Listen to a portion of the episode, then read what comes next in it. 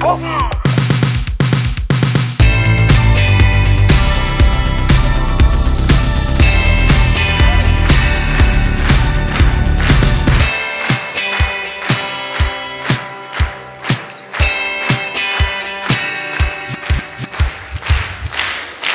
Yes, Da har vi gleda oss til å spille en ny episode av Impulspodden.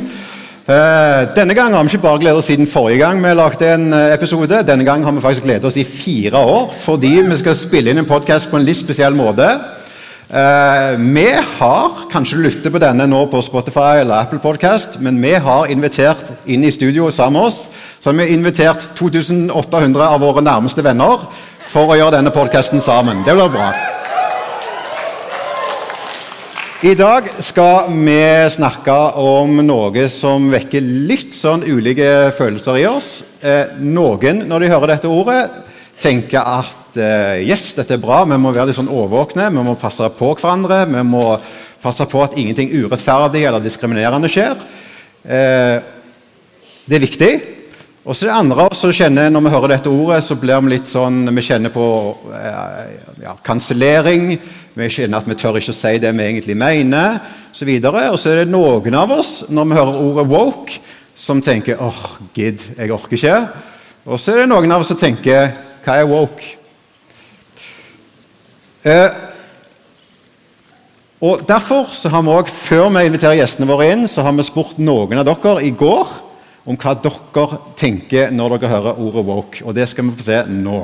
Hallo, mitt navn er Alva Helena, og jeg skal ta dere med gjennom en liten runde her på Impuls 2024. Eh, og nå skal vi rett og slett gå rundt, hilse på folk, spørre dem hva de tenker om woke-bevegelsen. Og spørre dem om de føler at de kan ytre seg sjøl fritt. Eh, hva tenker dere når jeg sier woke? Oi! Jeg misforstår svaret. Oi! okay, okay. Oi. Nei takk. Det første jeg tenker på. Pride. Ok, Nice. Flott. Ja. Pride. Ja. Du òg? Ja. OK, OK. Kultur. Ja. Er en åpenbaring av at noe åpner seg. OK. USA. USA. OK. Uh, pride. Pride. Det er løye du sier.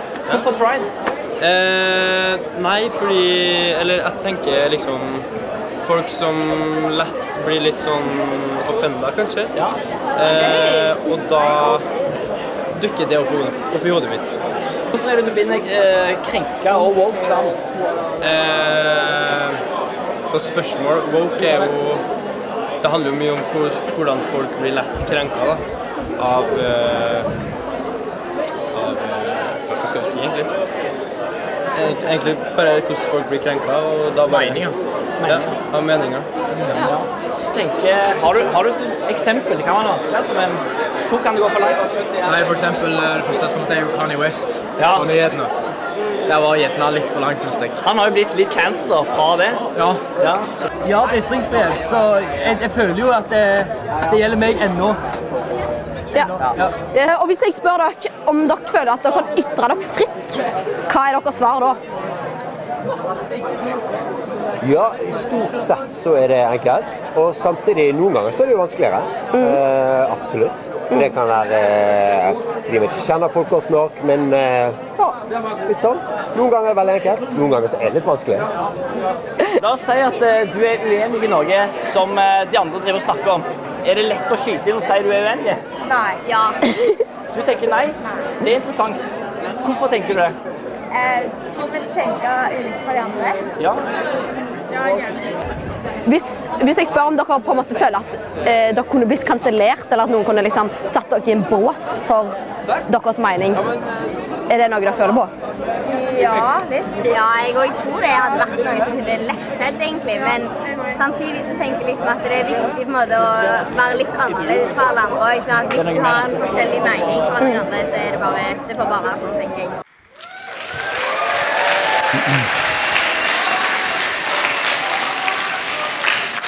Yes, knallbra. Eh, vi skal ha tre gjester i dag.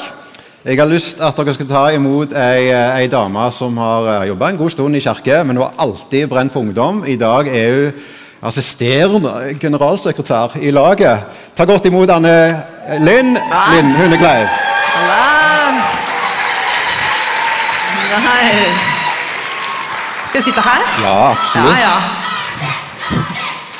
Du har fanklubb. Å, det er så fint. vet du, Jeg hører laget med en gang. Det er Ja. helt nydelig. Jeg har verdens beste jobb. Ja. Hvor mange her er, eh, er lagsarbeidere eller har vært på lagssamling på skolen sin? Å, det er helt rått! Det var gøy. Det tenkte jeg at jeg skulle spørre om. Nå, nå fikk jeg den. Åh, Ja, Nydelig. Fine gjeng. Dere er de tøffeste jeg vet om. Ann Linn, Mm. hva tenker du når du hører ordet woke? Ja, ikke sant? Når du spurte meg, når du sa det skulle være tema, så hadde jeg liksom blanda følelse. Og det sa jeg til deg òg. Fordi eh, eh, når jeg snakka med ungdom, altså generasjon Z, så hørte jeg utrolig mange som var lei av å høre om woke, egentlig. Men så ser vi jo statistikker på at eh, 56% Er det eh, ok lyd? Tror du ok? Er det ok? Er det det? Ja. 56% ikke tør å si sin mening fordi samfunnet er blitt for politisk korrekt. Eh, og da tenker jeg at vi har jo en utfordring. For Vogue skulle være en sånn oppvåkning. ikke sant? Den kommer fra Amerika, det var en som hadde fått med seg det. Og er jo mye sterkere der. Og, en, eh, og handler jo om å, å våkne opp i forhold til en del temaer av minoriteter som som eh, ble trykket ned. Og så er jo Motvekten av det er jo på en måte å gå så ekstremt at i det å beskytte de, så ender vi opp med å støte ut noen andre. ikke sant? Og ikke gi plass, godt nok ytringsrom til at vi får lov å stå opp for eksempel med andre meninger som eh, er annerledes enn det andre mener. Mm. Eh, vi er jo veldig glad i å jobbe sammen med laget. Vi er gode samarbeidspartnere. det er vi. Eh, dere skal ha seminarer senere. Eh, vi har lagd noe sammen i år som vi skal snakke om litt senere. Men eh, i tillegg til å jobbe ute på skolene med alle disse her, så, så gjør dere òg noe Dere lager undersøkelser. Mm. Og det er jo en viktig side av det dere gjør. fordi da da sitter ikke bare meg og deg som voksne her og synser eller Mm. mener ting om ting dere føler, men da får vi data på ting som dere sier til oss. Sånn er det vi opplever ting. Sånn er det vi ser ting. Og dere har gjort en sånn undersøkelse nå i høst. Ja. Den ble sluppet for en uke siden. ja, den er så fersk. Helt fersk. Ja, en uke siden. fersk. Veldig godt. Dere gjorde en for fem år siden, Mm. og så kom det en nå nettopp. Mm. Hva, hva er det denne gjengen her forteller oss? Altså, vi, han, vi, jo, altså, vi kan jo ikke bare sitte og synse og mene. Vi jobber jo for å gjøre Jesus kjent og backe kristne på skolene sine. ikke sant? Og dele tro. Eh, og så tenker vi og tror veldig mye. Og så hadde vi behov for fem år siden på liksom, vi er nødt til å ha tall på dette. Hvordan har den kristne ungdommen det egentlig? Og så I 2019 vi intervjua eh, litt over 1000. Hvis du, altså, når du skal intervjue til sånne politiske valg, bare en fun fact på det, har du liksom mer enn 1000, da har du en god meningsmåling på liksom hvordan du ligger an i forhold til valget. ikke sant? Så vi måtte bikke 1000. Det klarte vi. Så det vil si at dette er en ganske sånn solid undersøkelse blant kristne ungdommer. Eh, og den fortalte oss jo noe litt sånn sjokkerende, egentlig. For, eh, for det første så sa den noe om at vet du hva, vi mener at det er viktig at troa vår ikke er en privatsak.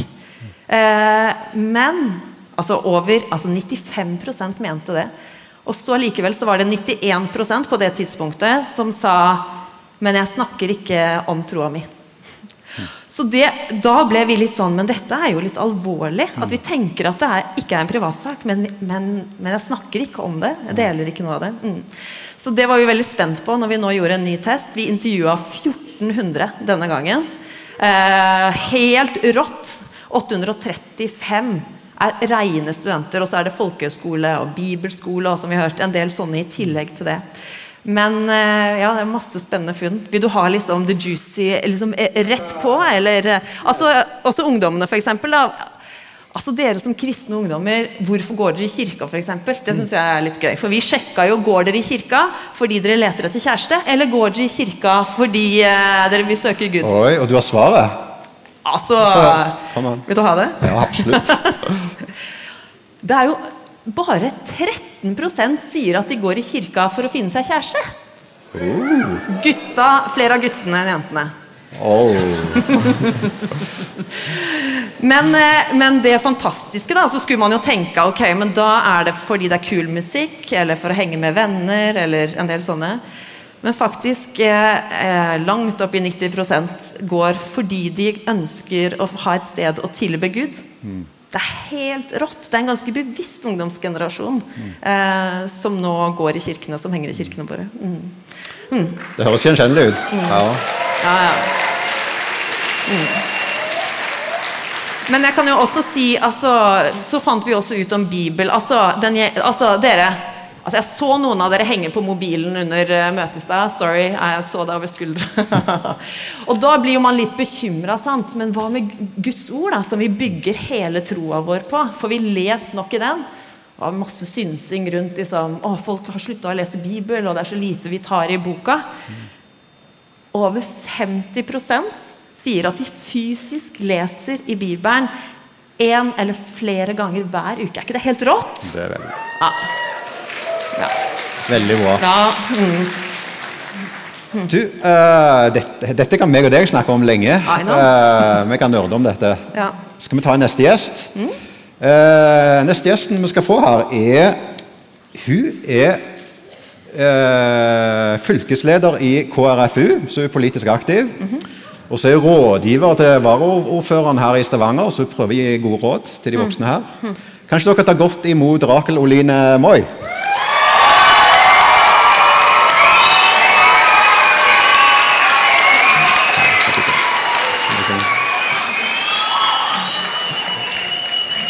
Ja, da er det fanklubb du òg.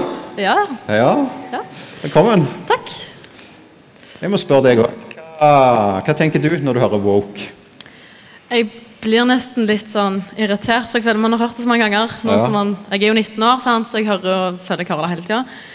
Uh, men jeg tenker jo, eller sånn, langt tilbake så begynte jo Vogue som noe sykt bra. Det var jo for å rette på samfunnsproblemer og for å eh, fjerne diskriminering og rasisme og sånne type ting.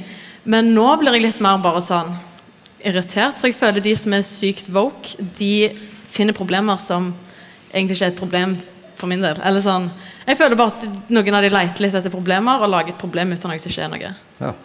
Ja, så, Så derfor blir jeg litt irritert. Så du kjenner det har gått litt langt? Eh, ja, jeg Ja. syns det. Uh, som jeg sa i stad, du, du er jo fylkesleder for KrFU, så du er aktiv i politikken.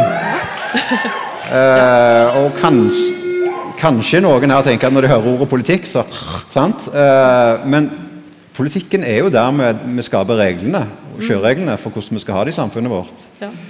Eh, så du er aktiv. Du har bestemt deg for at jeg har lyst til å, bety en forskjell her. Eh, men så er du òg rådgiver til varaordføreren. Det syns jeg er litt kult. Du skal prøve liksom, å gi han noen sånne gode råd om hva som egentlig skjer blant ungdommer, f.eks. antar jeg. Ja, ja. Hva, men opplever du at vi, vi voksne, da, får jeg si det, nå plasserer jeg oss inn på oss. eller ja. Opplever du at vi skjønner ungdommer i dag? Ja, jeg syns det. Men så er jo jeg altså jeg er jo på en måte kristen, jobber i KrF, går på bedehus og sånn her, så de voksne jeg treffer, de har jo ofte samme verdier. Eh, og jeg føler at mange kristne, der er det veldig sånn Vi må jo selvfølgelig heie på de unge, og veldig sånn Skal jo selvfølgelig ta de med, men jeg føler ikke alltid at det er sånn overalt. Sånn, jeg har jo hatt jobber som ikke er KrF og kristent òg, så ja, men jeg føler virkelig at jeg heier på dere. At eh, jeg får lov å jobbe som, eller på rådhuset i en alder av 19 uten utdanning. på en måte. Det er jo noen som da tør å satse. For jeg har jo egentlig ikke, altså jeg vet jo egentlig ikke hva jeg gjør. jeg har jo bare fått en jobb, og så må jeg bare, må bare finne ut av det i lag. Hva vi egentlig ja, skal gjøre. Vi hører jo av og til voksne si at eh, woke er et problem for demokratiet. Mm. Kan du hjelpe oss å skjønne hva det egentlig betyr? Ja, jeg eh, skjønner det litt, men samtidig ikke helt jeg heller. For det er altså Woke er jo egentlig veldig politisk. sant? Det er jo å endre ting og fikse samfunnsproblemer. Eh, og da må jo det ofte igjen, eller via politikken. Men jeg tror at eh, noen lager liksom politiske problemer òg som ikke et problem for flertallet. Det er liksom Folk blir så fort krenka. Eh, og da blir det jo et problem eh, når politiske partier på en måte krenker hverandre òg. Og ja. Mm. Jeg tror det er litt det. Ja. Ann Linn, eh, Rakel Oline har gått på KVS. Jeg tror vi har noen fra KVS her. Lyngdal.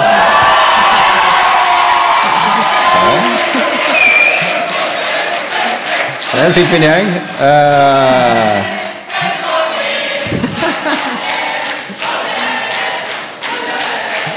Yeah. En veldig ting med KVS er at de er veldig glad i seg sjøl. Ja, det Det er veldig bra. Uh, Rakelina går på KS, hun er veldig stolt. Det vet jeg hun er veldig stolt av.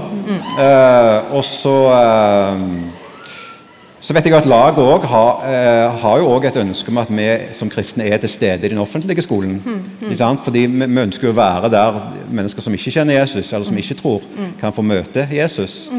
Hva, hva tenker dere om, om dette med privatskoler versus offentlige skoler? Altså, har, har laget en, en, en mening om det? Altså, Vi ønsker å gjøre Jesus kjent på alle skoler og studiesteder. Så det vil si at det ønsker vi på KVS, og det ønsker vi på alle de kristne skolene. Men så heier vi også enormt det, inn i den offentlige skolen. Og det vi vet, er jo at mange steder Nå har jeg senest i dag snakket med med et par som er helt alene om tro på sin skole. Så back opp de, og hei på de. Eh, de som da blir værende på de offentlige skolene også. Og tør å stå og være kristne der. Mm. Mm. Ja, ja. Bra. Du, dere, vi skal ha gjest nummer tre her. Han her har sikkert dere, mange av dere møtt allerede, fordi han holdt på å si han tør å ha seminar om seksualitet og homofili og kjønnsdebatten. og så Han er ganske tøff. Eh, han jobber i Helt Fri og i Tro og Medier. Kanskje ta godt imot Alexis Lund.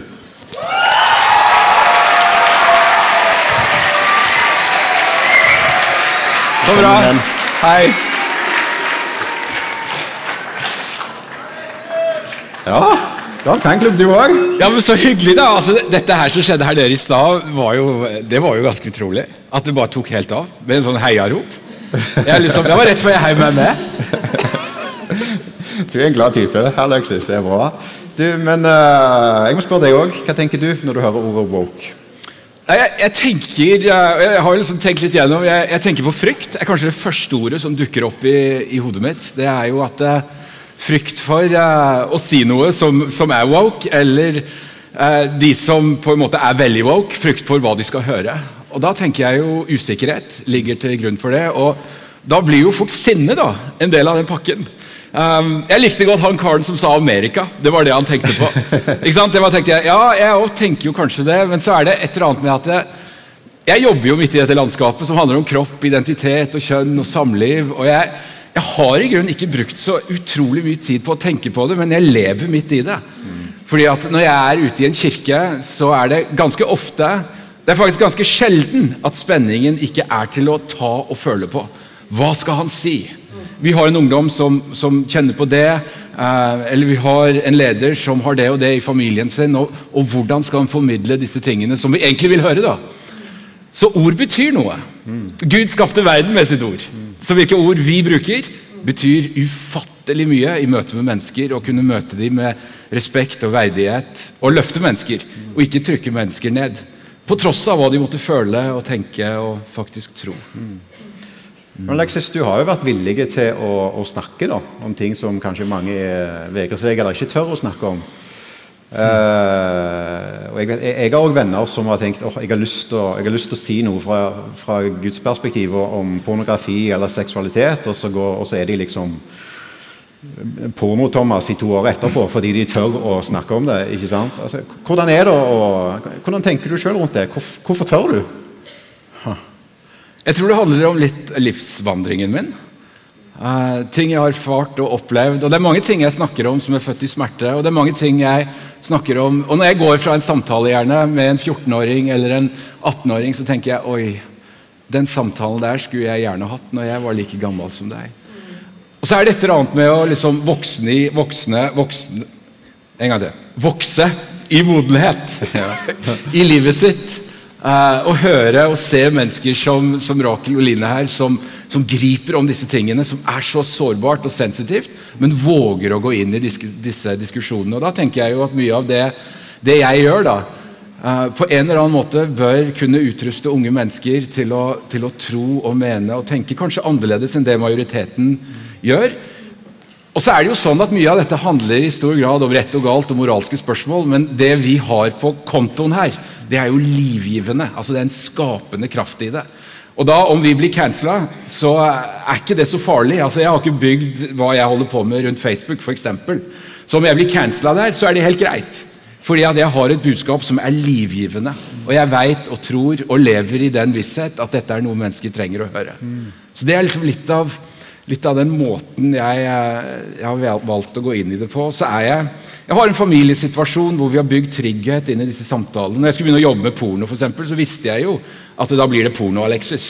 Så de journalistene som prøvde seg med det, de fikk krass kritikk av meg. Jeg heter Alexis Lund, jeg heter ikke Porno-Alexis. Og det er litt sånn, så det å være litt sånn tydelig i disse settingene, samtidig ærlig i sitt eget liv. Og Jeg har jo barn som har vokst opp som tenåringer, og de er nå blitt voksne. og Den minste min er jo like gammel som Rakel og Line. og De har, liksom, de har måttet levd med meg. Ja. Pappa er porno, Alexis? Liksom. Nei, pappa er Alexis Lund. Ja. Ja, nei, men, eh, ja, du, så du sier jo, Det handler jo litt om å, å være i utvikling, og du, du, du er modnes fram da, og, Ja. og, og tør å stå i det. Ja, så tenker jeg på Rakel og Line. Du er, jo, du er jo ung. Du sa du var 20 år. For, for, for meg er 19 ungt. Sånn, hvorfor, hvorfor tør du å ytre deg? Hvorfor ikke bare la være? Det er- begynner jo med at andre tør før meg. Jeg hadde jo ikke gjort det hvis jeg var den eneste. Men eh, når du ser at det, det som man sier som ung, faktisk At de faktisk hører på deg, da. Og at eh, det faktisk kan bli noe av det du sier. Selv om du bare er ja, under 20, så, så får man jo lyst til å være med og bidra, da. Eh, og så hjelper det jo spesielt når, i hvert fall for min del i KrFU, at vi er et helt lag. Det er jo ikke, det er ikke bare meg alene. Vi er jo kjempemange. Så det, det er jo en trygghet å ikke være alene om det. Har du noen gang angra på at du sa noe offentlig? Nei Eller Det er ikke sånn at jeg går rundt og på en måte tenker at jeg angrer på ting. Men uh, det er jo selvfølgelig ting jeg har sagt som jeg kanskje kunne formulert annerledes. Eller sånn når jeg ser på det etterpå. Eller eh, sånn leserinnlegg i aviser for noen år siden. Så jeg ser nå, så er jeg sånn, jeg kunne jo skrevet det på en helt annen måte. Det var jo bare tullete det jeg fikk fram der. på en måte Men nei, jeg tror ikke det. Eller ja, nei. Nei. nei. Kjenner meg igjen. Da er vi to. Ja. Fall. Alexis, jeg har, jeg har sagt dette til deg flere ganger før, tror jeg. Men eh, jeg husker um, For det en gang du ble spurt om å være med på Trygdekontoret. Det, det er jo en ganske stor podkast som, som veldig mange i Norge generelt hører på. Thomas Seltzer. Du ble invitert der, og så ble du Ikke satt opp mot, kanskje, men du, den du skulle snakke med, var en, det var en yngre jente. Med helt annet tro, helt annet livsperspektiv, helt annen livserfaring enn deg. Så tenker jeg hm, hvordan blir dette? For, for, for meg så lukter dette litt sånn eh, voksen mann, kristen, en eh, ung jente, eh, sårbar. Mm, dette lukter litt media. Og sett, her, her går det inn for krasjlanding, ikke sant? Eh, og, så, og så møter du den situasjonen bare helt sånn Helt fantastisk, syns jeg. Du, du hører, jeg vil anbefale dere å høre på den podkasten på Trygde- Trygdekontoret der Alexis Lund er. Der du, du nesten ser denne jenta senke garden sin og merke at jo, men jeg, jeg, jeg er jo trygg på Alexis, jeg kan snakke med han selv om han mener noe annet enn meg. Eh, Det syns jeg var helt fantastisk å høre på, for det viser jo at Én ting er hva vi mener, sant? Og, og, og kanskje ikke gå på kompromiss med det. En annen ting er hvordan vi mener det. Uh, Det synes jeg var helt fantastisk, Alexis. Men hvordan, hvordan møtte du den situasjonen sjøl? For du visste jo at her er det risiko å gå inn, da. Ja, høy risiko, og vi skulle snakke om porno. Og jeg må jo vite hvem jeg snakker om. Og denne jenta var jo innholdsprodusent på Onlyfans. Så research var jo ikke aktuelt for min del. Så jeg må jo gå dypere i å tenke hvem er dette? Og det gjorde jeg. Og jeg møtte henne i kraft av å være meg som mann. For hva tenker hun om menn, da? For hun er et objekt for menn. Og det har hun alltid vært. Og så møtte jeg henne i kraft av å være far. For jeg veit ikke hvilket forhold hun har til fedre.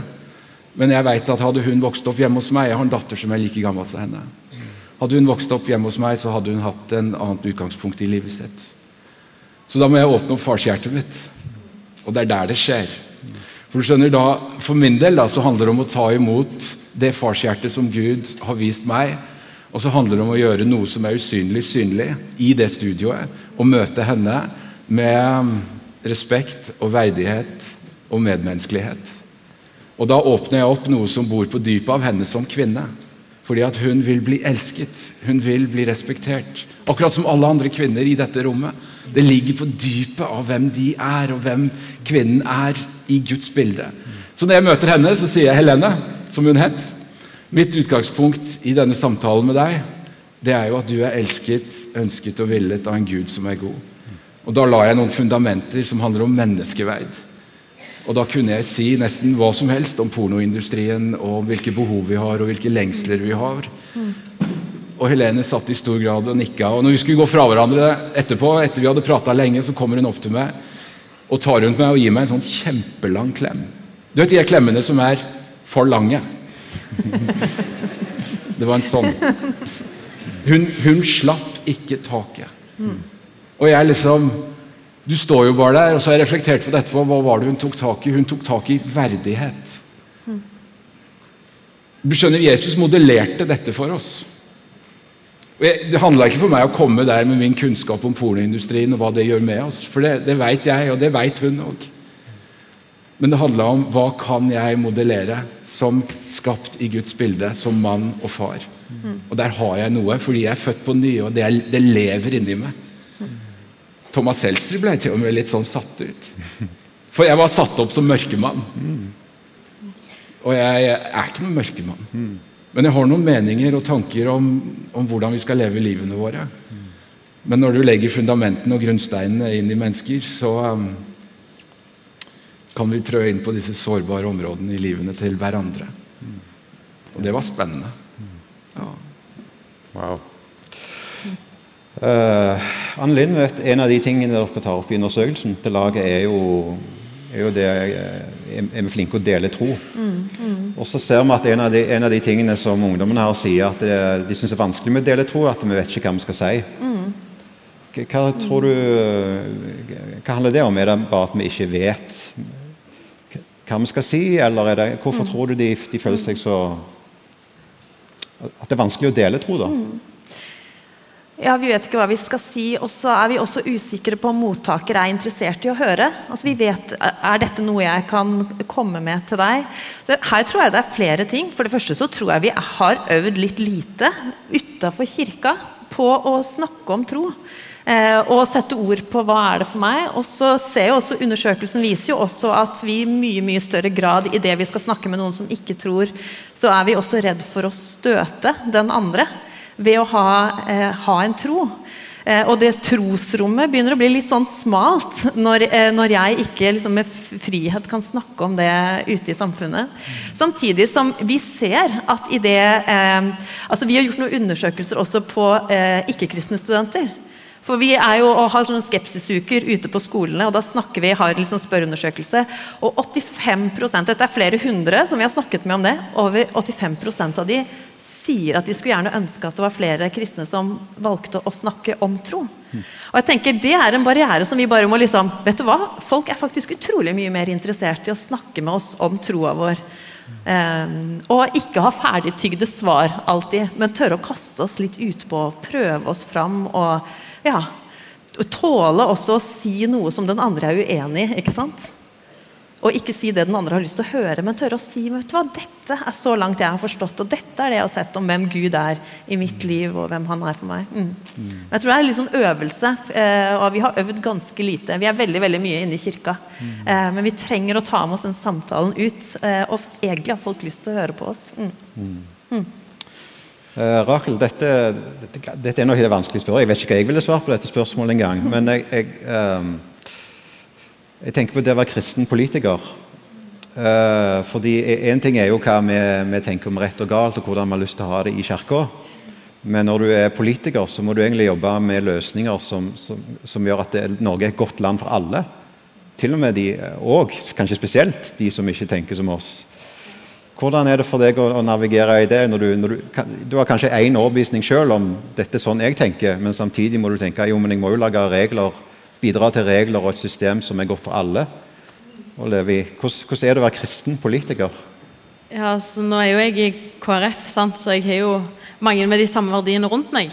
Og det er jeg jo heldig med. Men jeg merker jo med en gang man snakker med andre partier, samme hvilket parti, så er de med en gang sånn Å ja, men dere er jo bare kristne. Eller sånn. Det er jo bare bedehuset på en måte som er i KrF. Og til en del så stemmer jo det, men i politikken eller i KrF så er jo Man bygger jo ikke på tro, og man bygger jo på de verdiene som Bibelen har. Man bygger jo ikke på at liksom eh, alle skal tro på Jesus, og alle må gå på bedelse, alle må gå i kirke og sånn her. Det er mye mer at eh, Men Jesus elsker alle, vi skal være greie med alle. Eh, ja, de verdiene der. At man skal være glad i sin neste, og vi skal forvalte kloden til sånn at de neste kan overta den og fortsette sånn som vi har gjort. Det er mer den type verdiene vi har tatt med oss. Og så mener jo ikke vi at alle må alle må ikke være kristne for å være med i KrF, men at de har de verdiene om at alle er like mye verdt, og vi skal få med alle. Det er liksom det jeg prøver å ta med meg inn i politikken. Impulspodden presenteres i samarbeid med Akta bibelskole. Akta er en menighetsbibelskole nært tilknyttet en av Norges mest spennende og dynamiske kirker, Imerkirken. I løpet av skoleåret vokser vi i tro, får varige vennskap i et miljø som brenner for Jesus, og bidrar til å bygge en av Norges største ungdomsfestivaler, Impuls. Akta bibelskole. Vi vil være med på det Gud gjør. Alexis, et av de Jeg får jo lov å jobbe på bibelskole, så jeg treffer mye 19-åringer som har, har videregående eh, rett i bagasjesekken der. De kommer rett fra videregående, og så sier de at det de, noe av det de husker fra videregående, er Å ja, du er kristen. Er du homofob? Mm. Hva tenker du om, om det? Jeg syns det er krevende egentlig å forholde seg til, for jeg tror det er virkeligheten som de lever i. Og det sier noe om hva vi har kommunisert og hva vi har formidla om hvordan vi snakker, mennesker, snakker med mennesker, og hvordan vi møter mennesker. Eh, jeg møter mange unge mennesker som, som kommer opp til meg og sier eh, de er homofile, eller de har konflikt med egen biologi, eller disse, disse spørsmålene som jo koker. Min, eh, min inngang i de samtalene er jo hva, hva tenker du om Gud, da? Hvilken, hvilken relasjon har du til Gud? Eh, hva vi tenker om sex, begynner med hva vi tror om Gud. Er det noe som er større enn oss? Er det noe som er mer enn hva jeg måtte føle? Um, eller er det, er det en skapende kraft som har en dypere mening, som er lagt ned i kroppen min fordi jeg er mann, og fordi dere er kvinner? Og det tror jo jeg på. Så jeg tror nok det å løfte opp noen av disse spørsmålene som pløyer litt inn på dypet. For jeg er ikke homofob. eh, og jeg har, eh, jeg har jo venner som både lever som homofile, og så har jeg venner som har satt troen sin i førersetet i forhold til hvilke valg de tar. Altså, vi har en podkast som heter En bedre historie, hvor jeg snakker med mennesker som, som nettopp har valgt å leve livet sitt sånn. Og så er det jo sånn at Kulturen vår har, seks, har satt seksualiteten liksom i sentrum av identiteten vår. Jeg var snakket om Salmos høysang for, rett før jul i Ungarn på en konferanse, og de som kom opp til meg, det var en flokk med nonner. For de har grepet om noe dypere. Det er jo kvinner som har gitt seg selv til kirken og lever i sølibat. Dette var voksne damer. Og de var begeistret for hva de har grepet tak i knytta til de dype, dype meningene med livet og med kroppen deres. Og hva de har gitt. Og det er jo et eller annet med å prøve å åpne opp perspektivene. Um, alt dreier seg ikke om akkurat hvordan jeg ser det. For skjønner Gud, han er, han er så allmektig i disse spørsmålene. Og så må vi tåle å snakke om smerten. Vi må tåle å møte de vanskelige samtalene. Men vi begynner gjerne liksom i feil utgangspunkt, hvor vi, hvor vi handler ut ifra rett og galt. Eh, og Det er jo ut av et tre som vi først spiste av, som heter treet om kunnskapen og godt og vondt. Men vi er kalt til å ta av livets tre. Og det er jo liksom der Vi kan begynne å male de litt store bildene inn i disse vanskelige, sårbare spørsmålene som handler om helt konkret hva føler vi inni oss. Eh, Jeg tenker på det å bli misforstått. Eh, Det hører jeg veldig ofte av, av dere som er unge, at jeg, jeg opplever jeg blir misforstått. Eh, og så tenker jeg eh, Det er ikke alle skoler som er som KVS Lyngdal. Jeg, jeg, jeg spurte en gang når jeg skulle gjøre et besøk på KVS om eh, ja, har dere et lagsarbeid der, så bare lo de. Vi trenger ikke laget her. kan være de trenger laget der. Men, men vi vet jo at det er mange som har lyst til å ha lagsarbeid, Mm. men som opplever motstand Mm, på skolen. helt. Kan du si litt om det? Hva- Ja, ikke sant? Vi, eh, altså på, på nettsidene våre så ligger det bilde av en streng rektor, for vi har jo noe vi kaller rektornekt. Og det, det, det er en utfordring i skolene, for vi har veldig masse ungdommer. ikke sant? F.eks. etter til Send så var det jo en skikkelig sånn drive på det å ta med seg troa ut og gjøre den tydelig og ta opp skoene. ikke sant? Mange hadde vært på det, og mange ringte oss og hadde lyst til å starte. Så sa jeg ja. Sett i gang, finn et rom ikke sant? Eh, et, hvor dere kan møtes og be og lese Bibel sammen. Og så spør man rektor, og så sier rektor nei. Og Det kan handle om mange ting. ikke sant? Det kan handle om at uh, man er redd for, for, å åpne opp for tro inn i, i, i skolen. Man har ikke helt forstått hvilke, hvilke, altså hva er trosfrihet da i skolen. Det har vi jo.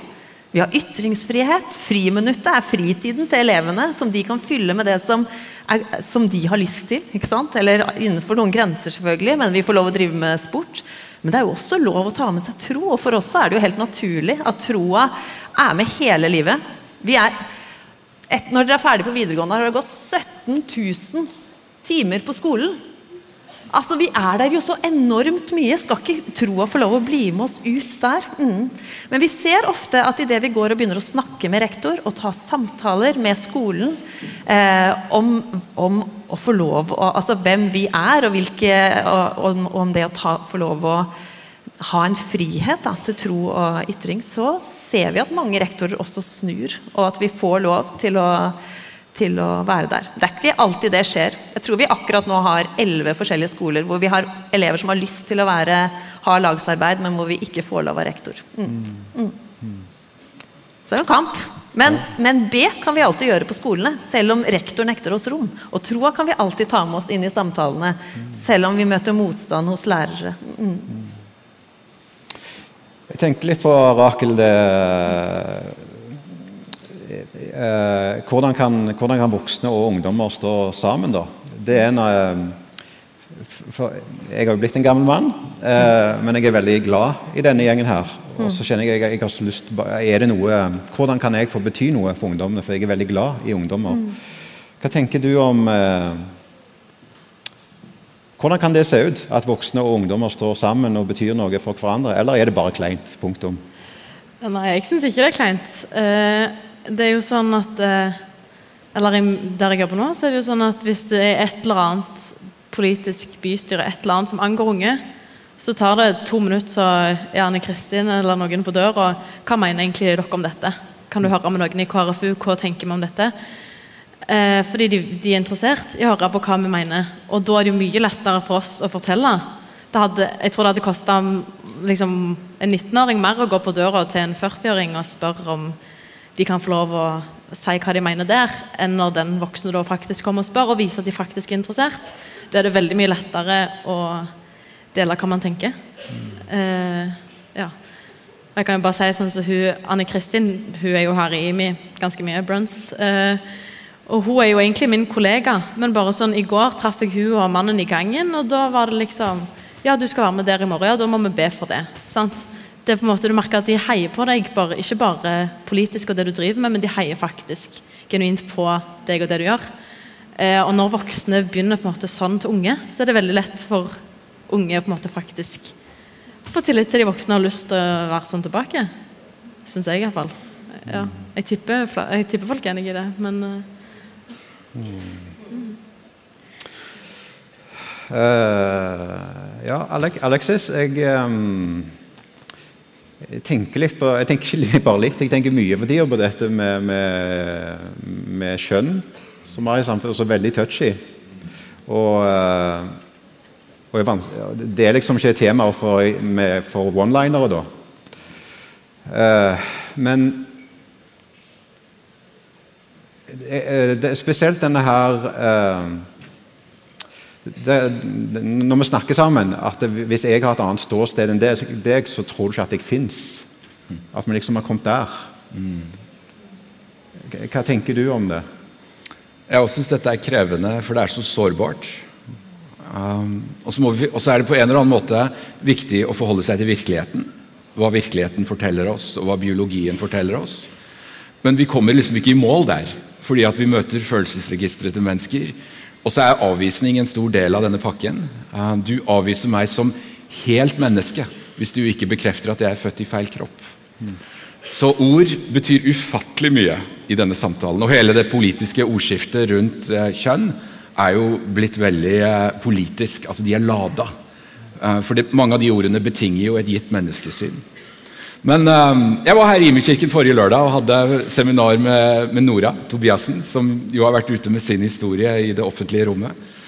hvor vi prata litt om disse tingene. Nora har jo levd uh, i dette. 99-modell, så hun er jo på alder med, med det er jo generasjon Z. Um, og Nora sier jo til meg at uh, den indre overbevisningen om å bli født på ny var jo liksom det som skjedde inni henne. Og jeg tror nok mange av disse historiene som vi møter ute knytta til kjønn og identitet, handler nok noe om kulturen vår. eh, Den, ekstreme påvirkningen som eh, hele liksom, sosiale mediepakken gir. Og noe av den der manglende mening i å være gutt og være jente. Hva er det som gjør gutter til menn? Hva er det som gjør jenter til kvinner? Det er noe av det mest spennende jeg snakker om ute i f.eks. ungdomsskole. Hvordan gjør vi det, det usynlige som bor inni et menneske, synlig i kraft av å være kvinne og i kraft av å være mann? Det ligger noen ufattelige nøkler der som, eh, som virkelig kan sette oss på sporet av hvordan kan vi finne mening i den kroppen vi er gitt.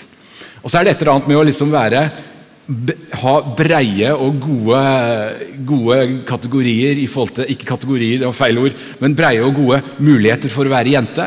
Breie og gode muligheter for å være gutt. For du skjønner, denne, hele, her, hele denne debatten rundt eh, kjønn lager jo nettopp stereotype kjønn. Eh, og Det viser seg jo veldig godt igjen i Pride-parader og liksom hele denne pakken her. Og jeg tenker nok på mange måter at vi skal lene oss, lene oss litt tilbake. Eh, senke skuldrene litt og tørre å gå inn i de mest sårbare, sårbare spørsmålene i livet til mennesker. Og da krever det trygge og nære relasjoner over tid. Altså Er det noe vi som kirke må virkelig tåle å stå i, så er det ungdommer som strever med dette. Over tid. Og at vi voksne, om vi er liksom den gamle gubben på kjøkkenet, som jeg er av og til i ungdomsmiljøet vårt, eller om vi er de voksne som legger til rette, så må vi tåle ungdommer som strever med dette over tid. For Dette er òg en frukt av den kulturen og den samtiden og de revolusjonene som vi lever i. Altså Den seksuelle revolusjonen, den biotekniske revolusjonen og hele denne kjønnsrevolusjonen. Hvor en løser opp og rører ved selve kjernen av skaperverket i Guds hjerte, rett og slett. Hva han har gitt oss i oppgave å være, nemlig et bilde på hvem han er. Så jeg, jeg er jo ganske sånn, jeg er tydelig i disse spørsmålene. Jeg, jeg kjøper ikke hele liksom, språket. Jeg tror ikke det er mulig å være født i feil kropp. Eh, som er ganske, ganske røff, eh, røff samtalestarter, som jeg ikke vil anbefale. Men det er liksom det som ligger til grunn for hvorfor jeg egentlig trør ganske frimodig, frimodig inn i disse spørsmålene. Og tør å ha disse samtalene. Det å møte foreldre er jo kanskje ekstremt viktig. For er det noe som virkelig data begynner å vise, så er det jo trygge, stabile voksne over tid. Det er virkelig noe av nøkkelfaktorene i disse ekstremt sårbare og vanskelige spørsmålene. Ja, dette er det store ting vi snakker om. Eh, vi skulle holdt på mye mye lenger, men vi, vi må begynne å lande. eh, for vi har en lang eh, Vi som er på konferanse her nå, vi har en lang dag foran oss. Men Anne Linn, eh, som jeg sa i stad, eh, laget og Impuls liker å gjøre ting sammen. Og i år så har vi lagd eh, noe som heter en lagslunsj. Som går på temaet vi har i år. Det var utvalgt. -hmm. Som handler om identitet. Yes. Fortell litt om eh, lagslunsj. Altså For det første så er det jo en glimrende mann som har eh, skrevet denne. Altså Thomas er jo leverandør på innhold i den her. Og jeg må bare si at den er knallgod. altså Når vi er ferdig med Impuls, dere, hvordan ser det ut da? Det er jo det det handler om. ikke sant? Når vi er ferdig her og vi har fått, liksom, fått en god, god boost, da, fått lov å se nye sider av Jesus, og så skal vi ta dette med ut i, i verden, da, eller i hverdagen vår. Eh, og da kan lagslunsj være en sånn eh, god modell. Det kan være et sted å øve. ikke sant? Fordi den, den, eh, den tar deg egentlig gjennom noen sånne temaer. Som du kan gjøre når du spiser matpakka på skolen eksempel, sammen med et par andre venner. Jeg vet om masse som gjør det her sammen med ikke-kristne også. Tar de med inn i samtalen, så leser man bitte litt om hvem Gud er, og så får vi noen gode spørsmål. Og så får vi snakka litt sammen. Hva, hva betyr dette for meg og mitt liv i dag? Det at jeg er utvalgt. Det at jeg har et, at et, at jeg har et kall. Hva er det for noe? Det at eh, vi eh, har et oppdrag, f.eks.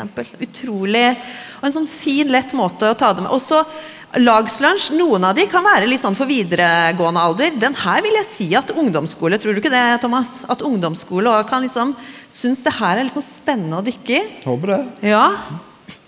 Og så jeg har bare lyst til å si en ting når jeg sitter og hører den samtalen her.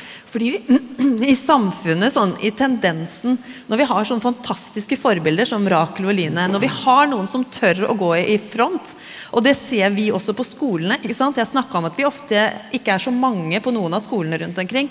Så er det noen sånne tydelige som tør å gå ut og være tydelige og være rollemodeller. Og det gjør at flere tør. Og det gjør at vi, og vi ser også i samfunnet nå, i denne woke-bevegelsen, altså vi startet med, en sånn helt tydelig tendens på endring i ytringsklimaet. Nå er det én av tre, og ikke lenger 56, som tør, som, som tør, å, ikke si, tør å si hva de mener. Altså det er flere som tør. Eh, og jeg tenker at du er eksempel en sånn tydelig forbilde som gjør at vi kan se på og se at du tør, og da kan jeg også tørre. Og så tror jeg vi klarer å snu også en bevegelse om dagen med flere unge forbilder som reiser seg opp i landet vårt, som, eh, som gjør meg i hvert fall utrolig optimistisk på, på dere og på, for landet vårt. Mm. Nydelig.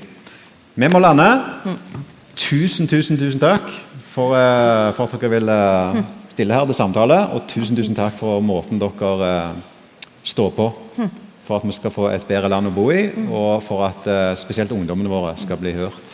Kan jeg si. Har du lyst til å øve? Vi på lagslunsjen der ute, da, vi tar gjerne lagslunsj med deg. Vi har kjøpt eh, 10-12 puter, er klar for å sette oss i ring og kjøre lagslunsj. For vi må begynne å øve, fordi det har vi jo funnet ut at det trenger vi. Så vi gjør gjerne det gjennom helga med dere. Amen. Og Gå på seminaret til Alexis, og stem på Rakel og